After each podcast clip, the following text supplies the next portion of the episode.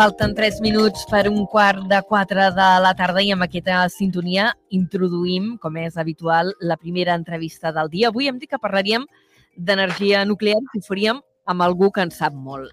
Estem parlant d'en Lluís Batet, ell és de Torredembarra, és enginyer nuclear i és professor a la Universitat Politècnica de Catalunya, on eh, dirigeix el màster d'energia nuclear. L'hem convidat avui al programa aprofitant la vinantesa que fa res, pocs dies, la Societat Nuclear Espanyola, eh, en una trobada anual que celebraven, li va concedir el Premi Juan Alberto González Garrido. De fet, ho va fer eh, l'Associació de Joves Nuclears. I aprofitant aquesta vinantesa i que el sector de l'energia nuclear es troba en un moment molt determinant, molt crucial, doncs teníem ganes de parlar amb ell de tota aquesta situació. Senyor Batet, bona tarda, benvingut. Hola, molt bona tarda. Escolti, si li sembla, comencem parlant d'aquest reconeixement que li van atorgar. Era en la 48a reunió anual de la Societat Nuclear Espanyola i és el Premi Juan Alberto González Garrido, que entenc que és algun personatge singular en el món nuclear. Uh, Juan Alberto González Garrido era un jove que va ser assassinat l'any 2015, a finals del 2015. 2015, als, a l'atemptat de, de la sala Bataclan, que un dia d'infausta memòria. Eh, ell era membre de, de Jóvenes Nucleares, de fet havia estat president de l'associació, la, de ara estic parlant de memòria, eh, però jo diria que havia estat president, i era una persona molt, molt estimada pel, pel sector. De fet, Jóvenes Nucleares van decidir instaurar aquest premi en la seva memòria i per mi és un gran honor que me l'hagin decidit concedir. Mm.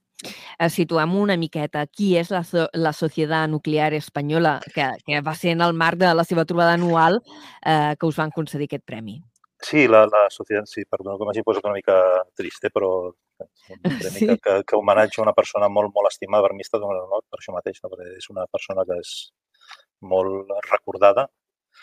El, el, la Societat Nuclear Espanyola és una, eh, va néixer ara fa gairebé 50 anys, de fet l'any vinent celebrarà el 50è aniversari, eh, que eh, agrupa a professionals del sector.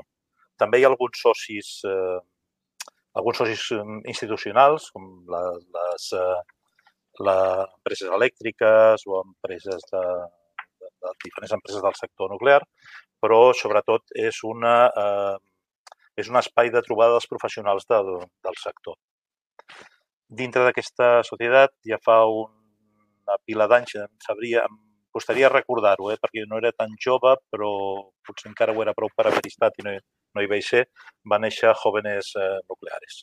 És una, una secció d'aquesta societat. Uh, fet aquesta introducció, el motiu del premi, no sé si és la seva tasca en la docència, m'imagino que sí, no? Uh, segurament. Eh, de fet, ells eh, diuen que els vaig ajudar molt, l'associació, perquè estan, eh, una de les, dels gols que tenen és promoure el, el coneixement de l'energia nuclear entre, bàsicament entre el jovent eh, i diuen que els vaig ajudar molt amb, amb algunes accions que van fer a Catalunya que és cert que, que vaig ajudar, però bueno, jo crec, crec que està dintre també de la meva tasca com a docent, eh, per promoure aquest tipus d'activitats. Per tant, em va fer, bueno, em sento molt honrat perquè m'han donat un premi per una cosa que, que he fet de tot gust. No? Eh, també és veritat que suposo que es valora la, la feina que fem des del màster en enginyeria nuclear de la Universitat Politècnica de Catalunya en la formació d'enginyers i enginyeres que ara estan ocupant eh, llocs en empreses i estan... Sí, mm, crec que fem una bona feina de, de preparació del jovent, encara que tenim molt poca, molt poca clientela en el màster. Eh, els nostres eh, graduats, els nostres, els nostres titulats, doncs, eh, són ben, molt ben valorats en, a, en el sector. I, I què treu el tema de poca clientela en el màster? Uh, diguéssim que pel moment de cruïlla i de futur tancament de les nuclears a l'estat espanyol o per la mala premsa que en general té la, la indústria nuclear? Uh, jo diria que és el, el, la, la primera raó. El, la, la indústria nuclear cada cop està netejant la, la, més la, la seva imatge a nivell mundial. Uh, a nivell espanyol, si malgrat tot, s'ha decidit tancar les nuclears i un calendari molt ben establert on l'última central tancaria el 2035. En aquesta conjuntura eh, és bastant difícil que una jove o una jove decideixi embarcar-se en estudis d'aquest tipus, preveient que no hi haurà que no hi haurà massa futur. No? Eh, en aquest sentit, bé, l'educació que donem, no només al nostre màster, que és, que és completament en anglès i, per tant, preparar els, els, els, els titulats per treballar en, en qualsevol banda, no? eh, i també està obert a, a, a persones que venen d'altres països. Els altres màsters que s'ofereixen a Espanya, que no són gaires, hi ha el, un màster en energia nuclear també dintre de la, a l'Escola Politècnica de a la Universitat Politècnica de Madrid i un altre de Seguretat i Protecció Radiològica a la Universitat Politècnica de València. Que són els, serien els, els tres grans eh, principals on, on la temàtica és purament nuclear.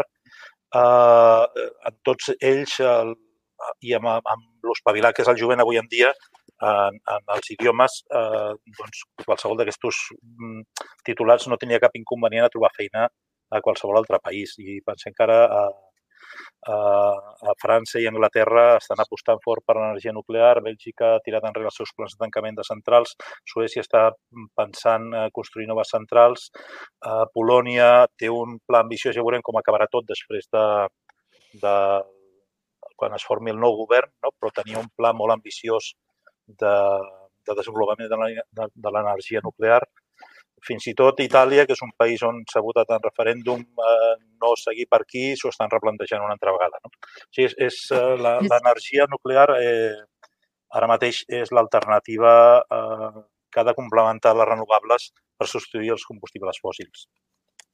Aquest pretenia ser un dels temes a tractar a, a l'entrevista eh, que estem mantenint amb en Lluís Batet, que és eh, enginyer nuclear i professor a la Universitat Politècnica de Catalunya, perquè de fet ens trobem en aquest moment de cruïlla per a l'energia nuclear. Ara ho deia, que aquí a l'estat espanyol eh, ja hi ha planificat tot el calendari de tancament. En el cas de les nuclears que tenim més a la vora, que són les d'Escó 1 i 2, Escó 1 tancaria el 2030, Escó 2 el 2032 i Vandellós 2 que seria la darrera en tancar el 2035. Estem parlant d'un horitzó a 12 anys vista. Eh, des del col·lectiu nuclear advertiu, però, eh, o jo he sentit advertir, eh, el Foro Nuclear fa pocs dies que, que en parlava en una trobada amb periodistes, eh, que no hi ha suficient potència d'energia renovable eh, instal·lada a Catalunya per poder compensar aquest tancament de, de les nuclears. Eh, considera, eh, com a especialista en, en la qüestió, com a professora en aquesta matèria, que l'estat espanyol podria arribar a fer marxa enrere o ja és massa tard en l'estadi en què estem? Uh, és difícil de dir, perquè en política uh, totes les coses que ahir eren blanques demà poden ser negres, no? I, i t'ho diem amb un somriure i com si sempre haguessin tingut la raó. Ah, no, no, no, no ho podem saber. També és veritat que quan una persona eh, s'enroca molt en una posició, al final eh, no atén raons, no? I, i és molt difícil eh, canviar les, aquestes coses, no? Per tant, no, no, no li sabria dir. El, eh, Eh, realment és un error voler tancar les nuclears i és un error encara més gran ara.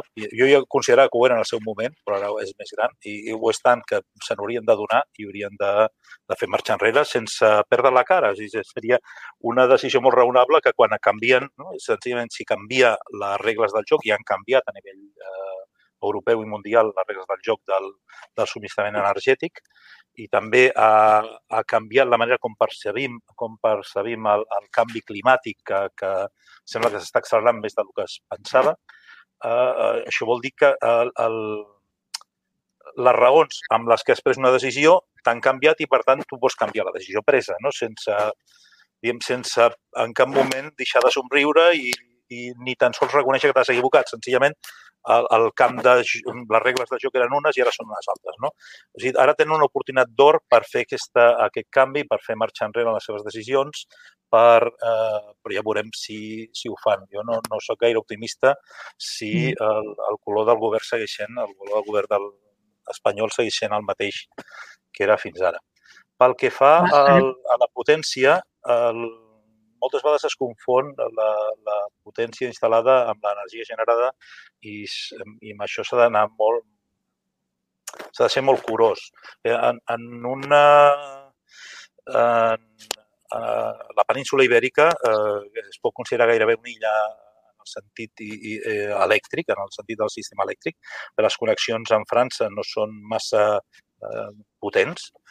El, per tant, eh, pràcticament has de fer que coincideixi allò que estàs demanant, eh, el consum elèctric amb la producció elèctrica, eh, les renovables produeixen quan bufa el vent i quan, quan brilla el sol, però això no és contínuament.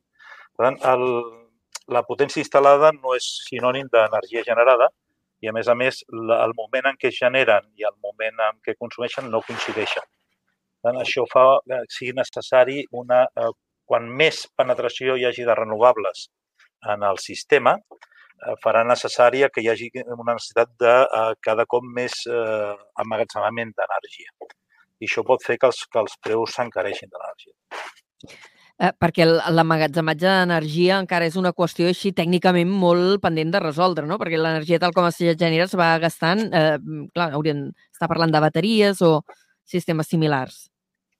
Uh, sí, estem parlant de, de bombaments hidroelèctrics, sí, sistemes de bombeig que, que poden ser bastant poden absorbir bastanta capacitat i de fet ja n'hi ha, eh? hi ha una, una potència instal·lada, si no m'equivoco, són de, de 3 gigawatts o ara, ara m'agafeu així amb, amb, un mal moment, eh? No tinc el número, no tinc el número al cap, eh? De, a, a nivell de l'estat espanyol. Però hi ha, hi, ha, hi ha una potència instal·lada de bombeig important a l'estat, però no és suficient eh, si la penetració de les renovables augmenta. S'està pensant en, en sistemes de bateries associats a les, eh, a les eh, plantes de producció fotovoltaica i eòlica, eh, però bueno, tot això encara s'ha de desenvolupar i tot això encareix el, el cost de la factura elèctrica també eh, són alguns dels arguments eh, que s'utilitzen no? per eh, defensar la continuïtat de l'energia nuclear. Comentava eh, que França, que és un país que sempre ha apostat eh, per aquesta energia, que de fet té molts reactors, eh, també ara estem veient eh, els passos que s'estan fent a la Gran Bretanya, i a nivell d'Europa institucional eh, també s'ha fet un pas per considerar eh, l'energia nuclear energia verda. El per què entenc que és perquè no es generen emissions de CO2 perquè no es crema res en una planta nuclear. No, no, no només això. O sigui, hi ha estudis que mostren, publicats en, en revistes científiques eh, revisades, eh? o sigui, que mereixen eh, com a mínim eh, una, una consideració, que eh, l'energia nuclear és, eh, des del punt de vista no només del CO2, a més, sinó també de la seva perillositat intrínseca comparable a les energies renovables. O sigui, les, les taxes de mort eh, degudes a tota la indústria nuclear per unitat d'energia generada són comparables a les que tenim amb, amb les renovables. Eh, eh no, no es podia fer massa distinció. Això, fins i tot tenint en compte, o sigui, tenint en compte tota la mineria i tota la indústria associada, o sigui, hi ha accidents industrials no? de, que passen, i, i, i morts deguts a, a... En el cas nuclear es consideren també els morts deguts als accidents. O sigui que, que fins i tot tenint en compte això, a, la perillositat d'una nuclear sigui comparable en una, en una renovable, eh, ja diu alguna cosa de, de què considerem net, a vegades, no, des del punt de vista emocional o des del punt de vista ideològic, que es considera net i què no es considera net. També hem de tenir en compte que les, eh, no es pot fer una truita sense trencar un ou i si vols tenir plaques fotovoltaiques o si vols tenir un molí de vent, necessites una gran quantitat de materials que fins i tot la quantitat de materials que necessites per unitat d'energia generada són molt més grans, no només materials eh, d'aquestos que, que s'anomenen ara minerals crítics, que s'han d'anar a buscar en països de vegades amb molt poca estabilitat política, on la gent treballa en condicions infrahumanes i que, a més a més, donen una, un avantatge eh, geoestratègic a països en els quals els hi comprem no només eh, els panells a vegades acabats, sinó també aquestes, aquests materials per fer altres coses, eh? doncs les energies renovables no només necessiten molt més per unitat de, d'energia generada d'aquests minerals crítics.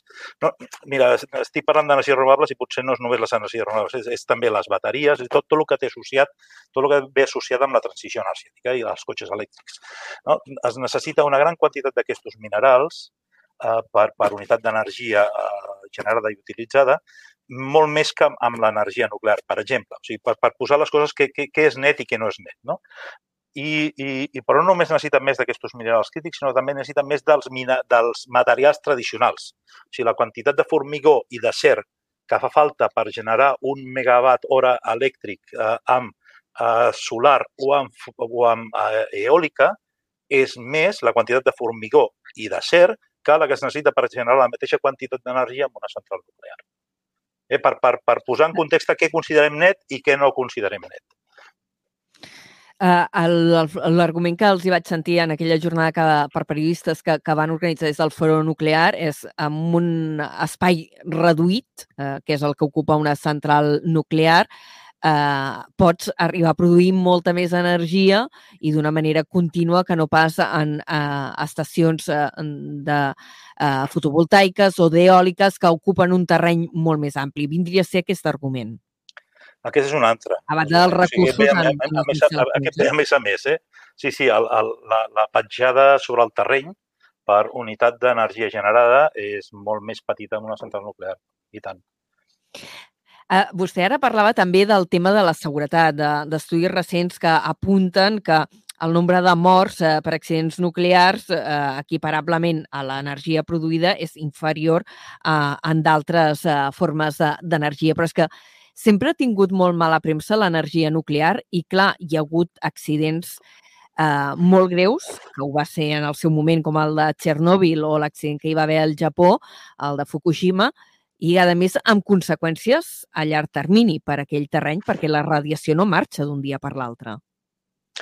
Uh, tot, tot s'ha de quantificar. O sigui que, que mm, evidentment, has, has esmentat dos accidents que van ser eh, molt greus, sobretot el, el, el de Txernòbil en el seu moment eh, va comportar una gran quantitat de pèrdua de vides humanes. L'accident de Fukushima eh, no hi ha constància de que hagi causat cap, cap pèrdua de, de vides. Eh, els, els morts van ser a causa del terratrèmol i del tsunami i a causa de la radiació emesa per la, pels reactors no està demostrat que hi hagi hagut cap, cap, eh, cap eh, cap mort. Eh? El, però tot, tot, tot s'ha de quantificar. O sigui, hi ha hagut accidents amb trencaments de preses hidroelèctriques després de amb terratrèmols on els, les cases no estaven massa ben construïdes, amb incendis eh, per culpa de no complir bé amb la normativa, amb avions que cauen, amb eh, ponts que col·lapsen, no? que s'han cobrat una gran quantitat de vides i ningú qüestiona que hem de tenir edificis, que hem de tenir ponts, que la gent ha de volar amb avió d'un lloc cap a l'altre. No? Uh, la indústria nuclear a vegades ha estat injustament atacada um, utilitzant alguna sèrie d'arguments que, que per altres tecnologies no es fan servir. No? Uh, I pel que fa a la, a la contaminació a llarg termini, doncs sí, això és, és una cosa evident que uh, Txernòbil ha quedat, ha quedat contaminada. Uh, però bueno, hi ha vida a Txernòbil, hi ha vida que segurament si hagués humans allà, una, vida salvatge que si hagués humans allà no, no hi seria. Uh, tot el tema de contaminació és un tema que s'ha de quantificar. Per parlar de, en termes qualitatius, quan estem parlant de, de, de vostè m'ha esmentat la paraula radiació, uh, la radiació se'n va. Eh, el que tenim és una contaminació radiactiva, és una substància eh, que emet radiació, cada cop amb el temps, cada cop menys, eh, perquè les, les substàncies, a la mesura que van emetent radiació, es van convertint en altres substàncies i finalment eh, deixen de ser eh, el, el conjunt de ser de radioactiu, amb, a, a vegades amb algunes desenes d'anys, a vegades amb milers d'anys. No? Però eh, és, mm, el, el, el, una cosa bona de, la, de les substàncies radioactives és que són fàcilment detectables i és molt, molt fàcilment quantificable. A vegades això no és tan fàcil quan parlem de contaminació química, a la qual estem bastant acostumats aquí a la, a la comarca, no? I, i altres tipus de, de pol·lució que, que podem tenir al, al voltant. En el cas de la, de la, de la contaminació per radioactivitat, és molt fàcilment quantificable quina quantitat d'activitats tens per metre quadrat o per quilòmetre quadrat i també és molt fàcil quantificar quin és l'impacte d'això en, en les persones. No? Tot, tot és, al final tot és qüestió de dosi. O sigui, a vegades poso l'exemple de que no és el mateix eh, doncs, acabar-se una ampolla de conyac eh, un sol després d'un dinar, no? que eh, beure's una cervesa cada cap de setmana. No? Tot és alcohol, al final, si comptes al final del temps, tens, el, tens una, una quantitat d'alcohol, però la, la, la dosi en el, en el moment eh, precís, no? la, la quantitat d'alcohol és molt, molt diferent. I en el, en el cas de la, de la reactivitat de la radiació, a vegades perdem de vista que, és una cosa que passa en qualsevol mena i també amb les medicines. No? Una, una aspirina eh, pot ajudar a treure un mal de cap, si, si fos dos quilos d'aspirines tot de cop, doncs eh, potser no ho expliques. No? El, en, en el cas de la radiació, eh, això també té, un, té, té una raó. El, nosaltres mesurem les coses amb, amb dosi, que és la quantitat d'energia per radiació que una persona pot, eh, el cos d'una persona absorbeix. Per, estic simplificant bastant la, la, la cosa, eh? però la, la, la quantitat de la, de la radiació que una persona absorbeix eh, és quantificable i amb molt petites quantitats, i fins i tot en quantitats no tan petites, eh, no hi ha evidència que hi hagi cap eh, detriment de la salut. Amb quantitats grans sí. Llavors, per eh, protegir la població es va establir ja fa molts anys que hi havia uns límits que són molt baixos pels quals es considera que una persona no pot accedir, Eh? En el cas de, de la radiació per causes artificials, un membre del públic pot estar exposat a, com a màxim, una cosa que s'anomena un milisievert per any. No? El, eh, no està demostrat que hi hagi cap dany amb ningú per dosis que són bastant més altes que això al cap d'un any. Però eh, s'ha considerat que amb, amb per protegir les persones es considera que sí i, per tant, es posa a, a aquest límit. També es considera que hi ha una proporcionalitat entre la dosi rebuda i eh, la probabilitat de desenvolupar un càncer mortal. No? Aquesta probabilitat es considera lineal. O sigui, més dosi, més probabilitat. Això tampoc està de, demostrat, però fa que a vegades hi hagi eh, interpretacions de dir, per exemple, si hi ha moltes persones rebent una dosi molt petita, com que la probabilitat de tenir un càncer doncs, de cadascuna s'haurien d'anar sumant. I doncs, amb, amb tota aquesta població al final acabaran morint 10 persones. Dic, bueno, això no és tan així, no? El, perquè aquesta proporcionalitat tampoc és, que és massa clara i segurament quan una persona rep dosis petites, que és el que passa al, al cap d'un temps ja d'aquests accidents, que el terra sí està contaminat, no, no ho podem negar. O sigui, vas amb un detector i detectes que, per exemple, als voltants de Fukushima hi ha C637 escampat, el, eh, que aquesta dosi eh, que una persona que visqui allí rebrà al cap de l'any més d'un milicis per any també és veritat, no? perquè és molt fàcil de mesurar això, que això provoqui una, un augment amb la, amb la posi en risc la salut de les persones és molt qüestionable. Però, bueno, de totes maneres, com que eh, estem aquí per protegir la gent i ja, mentre hi hagi un dubte, seguirem eh, funcionant d'aquesta manera. Amb això vull dir que eh, a vegades eh, posem més en perill la, la població intentant sobreprotegir-la que no pas eh, exposant-la a uns nivells de radiació que no són tan perillosos. Uh, professor, um, ens queda res de temps perquè ens hem anat allargant bastant. Uh, sí que hi ha una altra qüestió que és controvertida, que és la gestió dels residus. Ara, aquí l'Estat s'havia plantejat la possibilitat de fer un magatzem centralitzat, una possibilitat que va de caure, i ara s'estan fent, o estan en projecte, fer uh, magatzems individualitzats en cadascuna de, de les centrals eh, hi ha moltes reticències amb això de, de l'emmagatzematge, allò de que no m'ho posin al costat de casa. Què passa amb aquests cementiris nuclears? Parlar de cementiri tampoc és adequat en aquest cas fer un magatzem temporal centralitzat que sí que hauria durat bastantes desenes d'anys, però al final el, el, el, la solució més pràctica pel combustible gastat és el soterrament a gran profunditat amb, es diuen, amb geològic profund, o sigui, no és, no és un soterrament, és unes galeries especial, especials en llocs eh, ja escollits per les seves característiques geològiques, el combustible ben capsulat amb, amb contenidors eh, metàl·lics, de manera que eh, s'eviti que eh, passi el que passi allí sota, la radioactivitat, és a dir, aquestes substàncies radioactives puguin escapar i arribin a la biosfera un moment o altre. Això ha estat tecnològicament demostrat que és la millor solució des d'un punt de vista social eh, té els seus problemes, perquè ningú vol tenir aquestes coses a prop, no, no pel fet de que estiguin allà sota, sinó perquè pot passar donant el, el desenvolupament de tot el, el projecte en si. De fet, eh, es plantejava, mentre no es troba una solució definitiva per residus a Espanya, es pensava fer una, un magatzemmatge centralitzat on es, en superfície on el combustible es pogués guardar en sec, no, no en piscina com estan ara, refrigerat per aire. Això es pot fer quan el combustible ja té un, un cert temps de decaïment en, en piscina. El combustible que ha estat s'emmagatzema a les piscines de les pròpies centrals i s'hi ha d'estar uns quants anys fins que la seva potència residual eh, això és una altra cosa que potser hauria d'explicar. El combustible gastat sí, sí. nuclear segueix emetent calor. Ara qüestions tècniques i, i no ens sí, queda temps, a, a, a, Sí, sí, doncs, uh, bé, el, la pregunta era si no, no, no volem tenir aquestes coses al costat de casa, és normal. Sí, eh? sí, sí, pots, sí són segures, allò, mm, funcionen, Clar. o sigui, és segur, ofereix garanties a aquest sistema d'emmagatzemar de, sota terra aquests uh, residus? No, sota terra segur. És, és de formigó.